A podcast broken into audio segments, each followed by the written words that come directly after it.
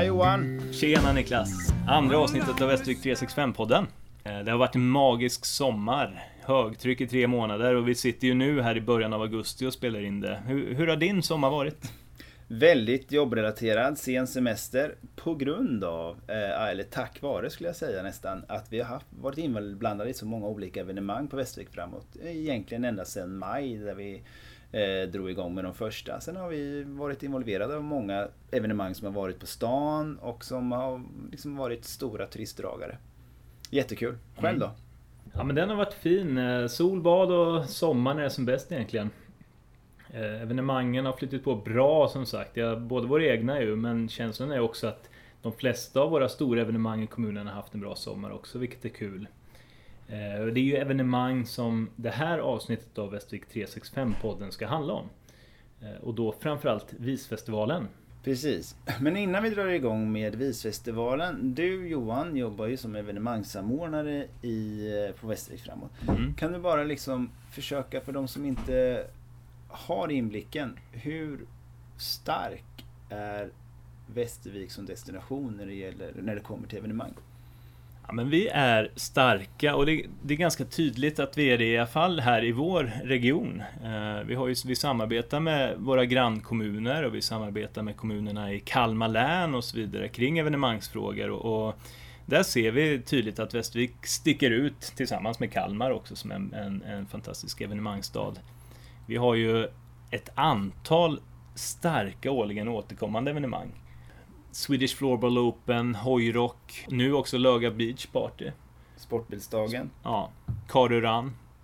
Alla de här är årligen återkommande starka evenemang. Det finns ju ett antal till som vi, som vi har. Så där, på så sätt är vi lite, nästan lite bortskämda här mm. i Västervik. Sen så kryddas ju evenemangssommaren med tillfälliga evenemang, eller man ska säga, som Diggiloo var här i år. Um, och vi har även haft flera andra nya evenemang som vi ska prata lite om nu. Jag tänker på Every Song Has a Story och det som hände med Visfestivalsveckan. Och sådär. Så att vi står oss starka. Eh, sen har vi några evenemang som sticker ut lite extra som också Västervik som varumärke är känt för. Och ett utav dem är ju Visfestivalen.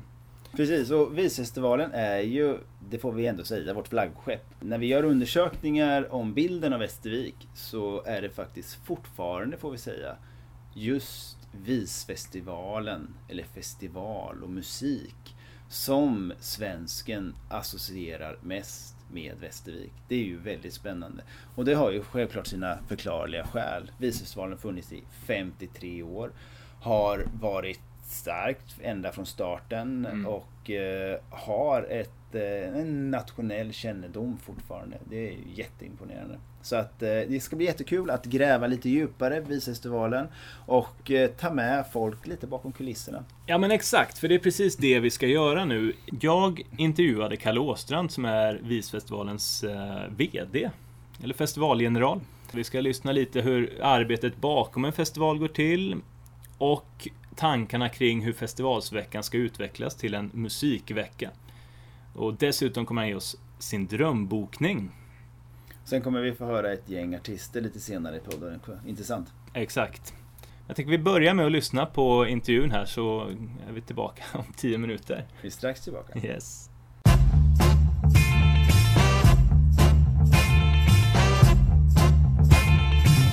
Ja, vi sitter här på festivalkontoret. Klockan är 12, det är fredag, det är 25 grader ute, solen skiner. Gästhamnen är full med båtar och Västervik är ju fantastiskt som det bara kan vara den här veckan. Vecka 28. Som är synonymt med sommar, folkliv och festival i Västervik. Eh, jag sitter med Kalle Åstrand, du är festivalgeneral. Hur är läget? Det är bra. Det är stressigt som vanligt den här veckan men annars är allting toppen. Ja, härligt. Idag är det ju fredag som sagt och några timmar drar den andra kvällen igång. Och igår var det magisk stämning med Uno Svenningsson, Frida Örn med flera. Vad är din känsla om årets festival?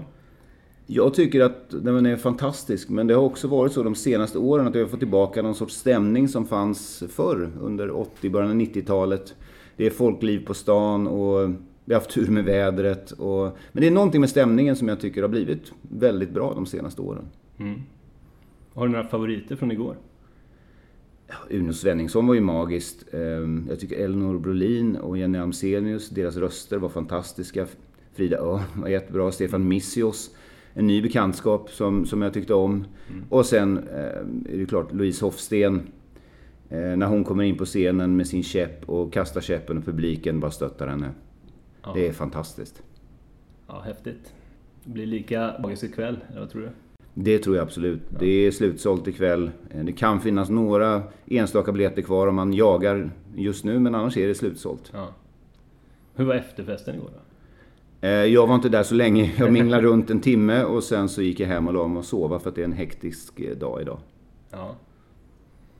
Ja men det är verkligen en hektisk dag. Eh, en grej som händer idag är ju att Sabina Dumba hon spelar ju i Ruinen ikväll, men hon ska också intervjuas av Björn Ulvaeus. Någonting som kallas Every Song Has a Story. Vill du berätta lite, vad är det för något? Ja, det började egentligen för några år sedan. Så satt vi och pratade om hur kan vi utveckla Visfestivalen. Och eh, Björn sa till exempel att hur kan vi få föra kunskap vidare? Hur kan vi skapa diskussion om låtskrivande? Hur kan vi entusiasmera unga musiker?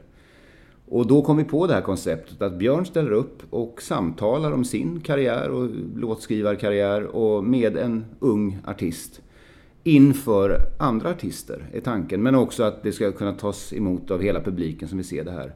Eh, så vi hoppas också på en utveckling på det temat, kanske under festivalsveckan och få en mer musikvecka. Och när vi berättade det här konceptet för Länsförsäkringar så kände de att det är precis vad de vill vara med på, att kunna göra en sån utveckling. Kultur är viktigt. Mm. Så tanken är att det här är en återkommande utveckling? Alltså vi ser det här nästa år igen då förhoppningsvis? Nästa år ser vi, ja. och året efter har vi bestämt som en startperiod. Men förhoppningsvis ska det bli en lika återkommande tradition som Visfestivalen. Vi vill ju att musiker ska komma hit eh, till Västervik eh, och ta del av Västerviks musikhistoria och utveckla den i fortsättningen. Och jag tror att detta kan vara ett sätt att få igång det. Mm. Ja, men för en del av Västerviks musikhistoria är ju onekligen Visfestivalen. Ju. Visfestivalen drog igång 1966, så i år är det alltså 53 festivalen. Eh, vilket i sig är ju unikt, det gör det till en av de äldsta festivalerna i landet. Vad är hemligheten? Hemligheten är ju, det finns inga hemligheter egentligen, det Nej. finns flera saker. Dels är arenan fantastisk, utan den skulle det inte vara en visfestival. Slottsruinen har någonting i stämningen där inne. Publiken som kommer är väldigt entusiastisk och lyssnande mm. publik. Och sen så har vi gemenskapen. Och det skapades ganska tidigt. Att eh, artisterna skulle känna sig välkomna, tas om hand, eh, kunna umgås med varandra. Och det är väldigt få festivaler som har. Så det är någonting unikt som skapades av Hansi Schwarz. Mm. Du är som sagt festivalgeneral och utgör väl tillsammans med Morgan Jonsson och Anna Hydbom Ulveus den trio som planerar och förbereder Visfestivalen mest? Ja, det stämmer. Vi, vi är tre, det stämmer. Vi är tre arrangörer. Jag, Morgan och Anna. Mm. Och sen råkar jag vara VD, men vi är tre likvärdiga arrangörer. Mm. Hur mycket tid ligger bakom en festival? Alldeles för mycket har jag insett. Ja. och vi jobbar ju alla ideellt. Um, men det är alldeles för mycket tid, svarar jag. Men det är också, vi gör det ju därför att det är kul, men det är också viktigt att det finns. Och så ja. tror jag hela personalen känner och därför jobbar man. Mm. Och nu, nu den här veckan är ni ju ännu fler såklart. Hur många jobbar med Visfestivalen? Den här veckan är vi 65-70 personer som jobbar med Visfestivalen. Ja. Men under året så blir det ju fler personer som involveras men som kanske inte är här den här veckan. Och vi tre, jag, Morgan och Anna, vi jag skulle säga att vi lägger ungefär två månaders eh, arbete var mm. under året för att det ska bli festival. Så att man kan säga en, en sex månaders arbete. Ja. Och du tog över 2013. Det var ju din pappa Hansi Svart som, han var ju med från början ju på 60-talet och drev igång det här. Var det självklart för dig att ta över? Nej, det var det absolut inte. Och så länge Hansi levde så, så hade jag inga tankar på det. Ja. Eh, han var en väldigt stark personlighet och styrde festivalen med järnhand. Eh, och hade man då involverat sig för mycket under den tiden så hade man nog blivit osams. Eh, men jag fanns ju där i styrelsen och kunde komma ner och vi kunde prata om det. Men det var absolut hans festival. Så att det var först när han gick bort som vi kände att om det här ska fortleva så måste vi nog ta tag i det. Men insåg ganska snart att man kan inte vara ensam på den posten utan vi måste vara flera som samarbetar. Mm. Men du har ju varit med i kulisserna länge som sagt, ända, ja, hela, hela ditt liv såklart. Då. Eh, vad har du för minnen från Visfestivalen från dina unga år? Ja, som barn så sprang jag ju runt backstage och drack läsk. Eh, och sen när man blev lite äldre, som 12-åring, satt man murvakt och tittade ut på de som satt utanför ruinen snarare än att titta in på de som var inne i ruinen. Ja. För att man var så van vid det eftersom ja. man växte upp med det här. Eh, eller sålde program, sprang runt och gjorde. Plocka tomflaskor och saker. Mm. Eh, men då träffade jag också västervikare som blev mina kompisar under den här perioden. Och därför så är det alltid kul att komma hit, för nu har jag gamla vänner här. Mm. Du var inne på gemenskapen, att den är unik. Eh, känslan är ju när man ser på, på din film till exempel, och, som handlar om Visfestivalen och, och Hansi. Eh, att, att artisterna stannade i Västervik. Man, man spelade men man var här nästan en hel vecka. Hur är det idag? Idag så är det, vissa artister stannar kvar en dag extra och vi erbjuder artisterna, vill ni stanna så, så bjuder vi på det med hotellrum och sånt, för jag tycker det är viktigt. Men idag tjänar ju artister inte pengar på samma sätt som förr. Idag säljer man inga skivor och man får ingenting på Spotify. Så man måste livnära sig på att spela och det, då är sommaren, då har de många spelningar. Mm. Och därför är de här kortare tid. Men vi ska ju försöka skapa det genom det här med Every Song Has A Story, så kanske vi kan hitta att vi kan boka dem för två dagar för de kanske kan ha ett seminarium nästa dag eller någonting och då kan vi få dem att stanna längre. Just det. Hitta tillbaka till det då lite? Ja, mm. men man måste ha full förståelse för att de måste också få vatten och bröd.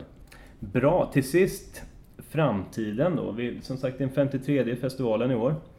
Eh, hur ser du på Visfestivalens framtid? Visfestivalens framtid ser mycket ljus ut tycker jag.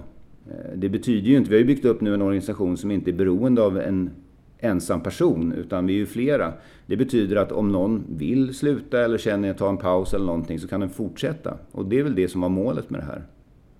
Ja men bra. Och vilken är din drömbokning då? Om du får hitta någon drömartist som ska upp på Visfestivalens scen här. Får jag önska vad jag vill? Ja, självklart. Paul McCartney. Ja. Eftersom det är omöjligt så är det roligt att få säga så. Ja men snyggt, tack! Paul McCartney hade varit fantastiskt, jag håller med. Eh, lycka till nu med resten av festivalen. Vi har två magiska kvällar kvar att njuta av. Tack för att du tog dig tid. Tack för det.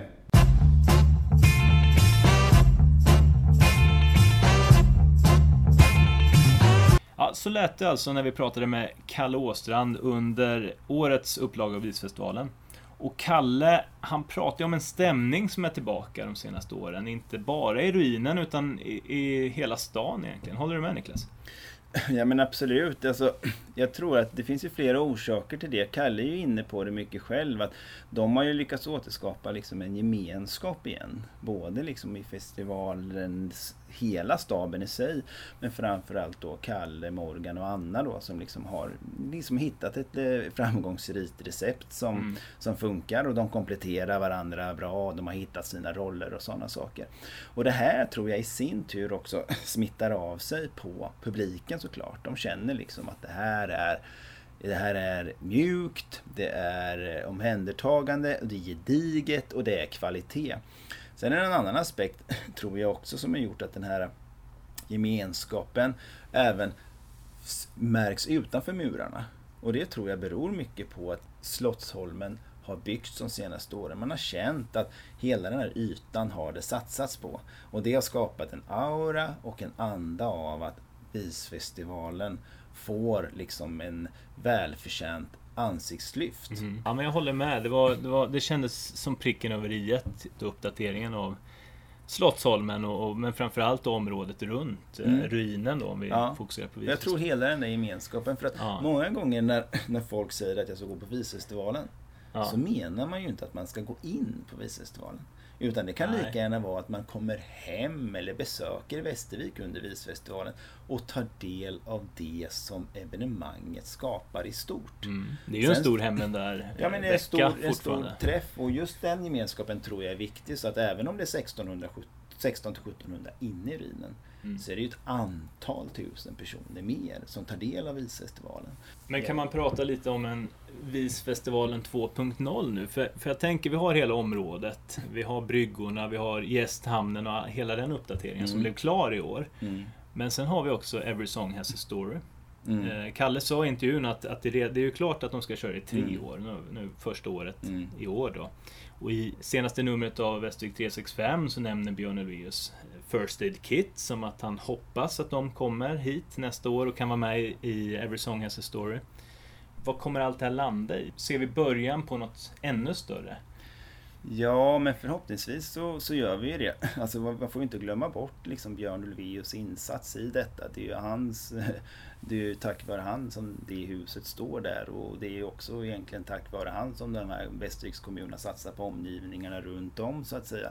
Och det är tack vare Björn Ulvaeus som Sabina Dumba mm. var med under Every Song Has a Story och hans engagemang i det här är ju det är ju ovärderligt. Det är ju liksom, han sitter ju på ingångar och på ett, liksom en, en, eh, ett kulturkapital skulle man kunna säga. Som, mm. som, som, som få artister i Sverige och kanske världen sitter på. Så det, det, det, det borgar ju för att...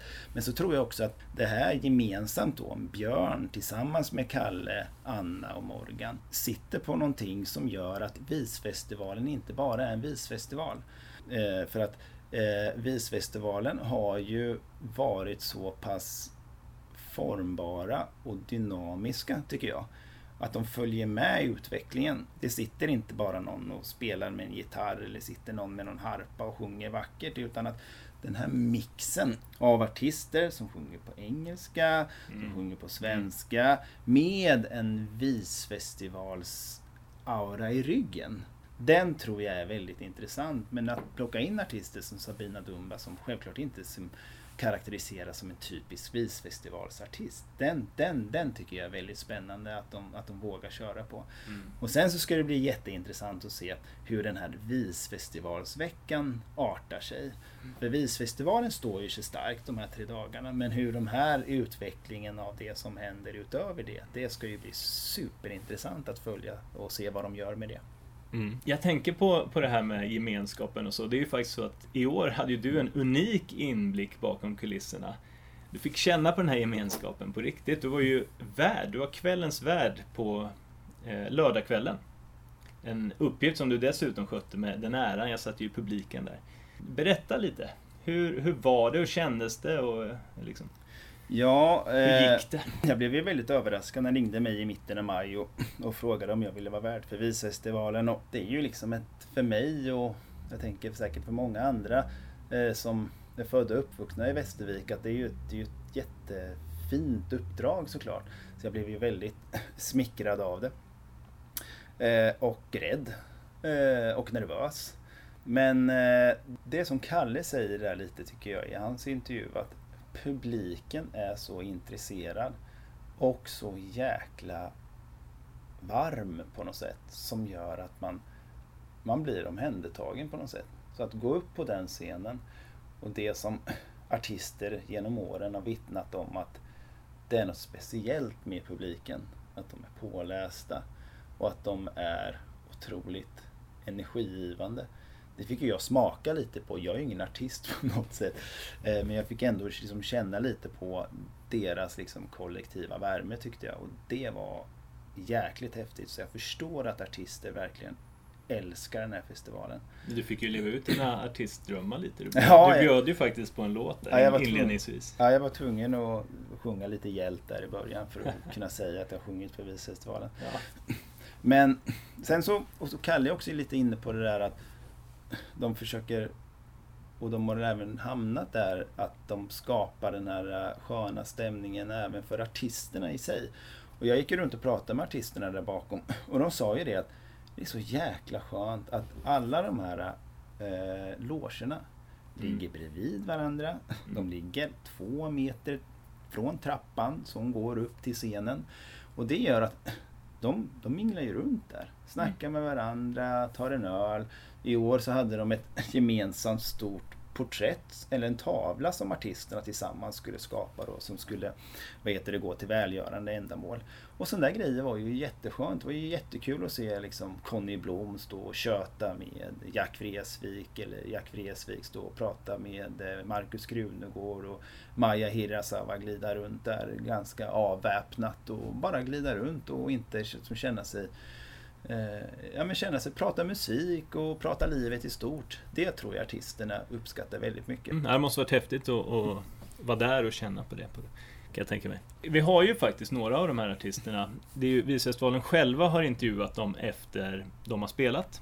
och lagt ut. Så vi ska lyssna på några. Vi har i ordning då Maja Hirasawa, Sabina Dumba, Slow Gold, Uno Svenningsson, Louise Hofsten, Jenny Almsenius och Markus Krunegård.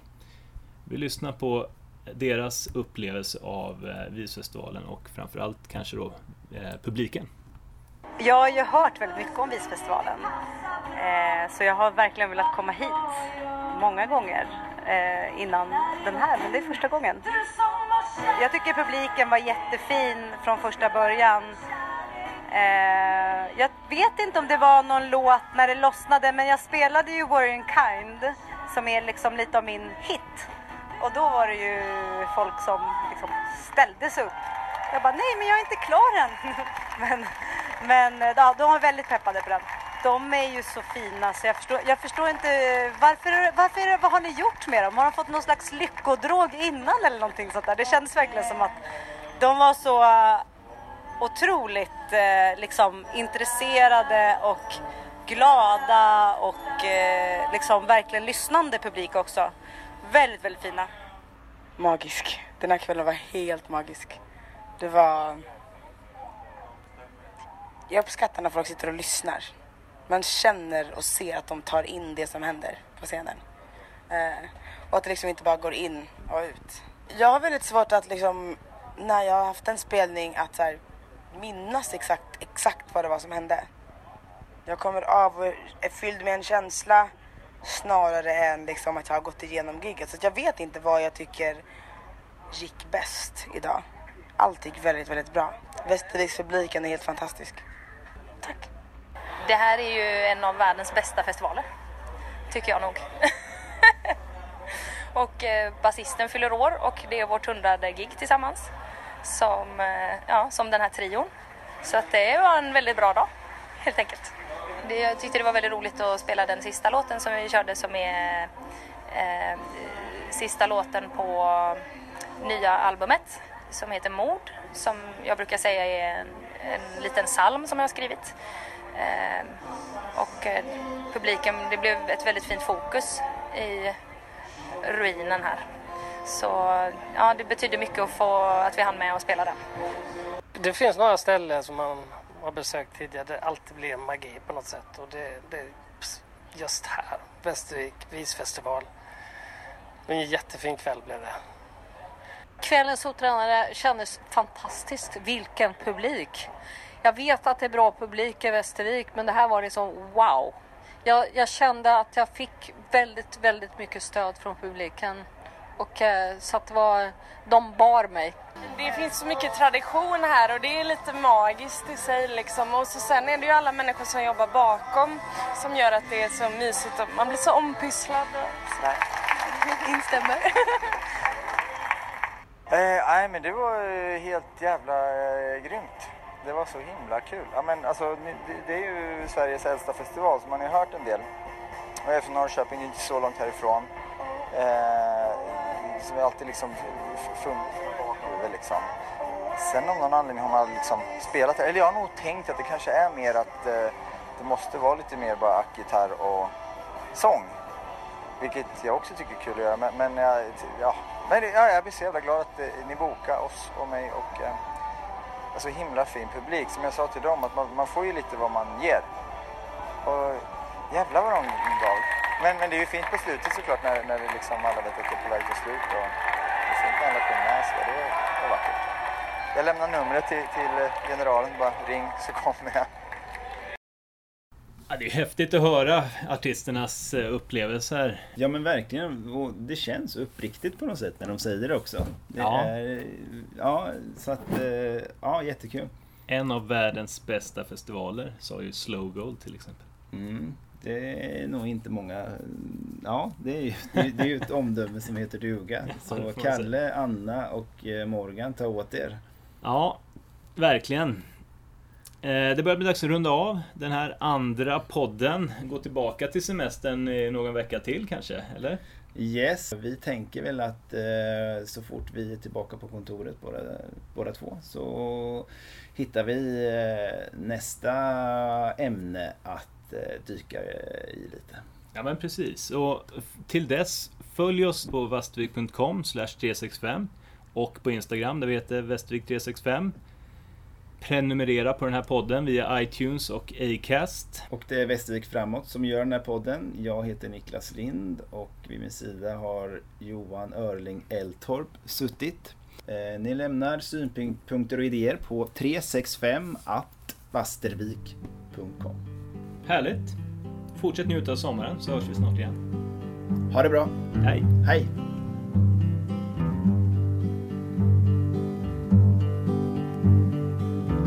Återigen gryr dagen vid din bleka skuldra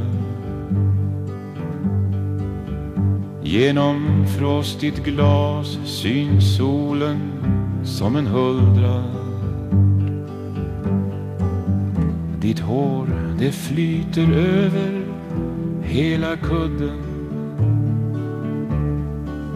Om du var vaken skulle jag ge dig allt det där jag aldrig ger dig. Men du, jag ger dig min morgon. Jag ger dig min dag.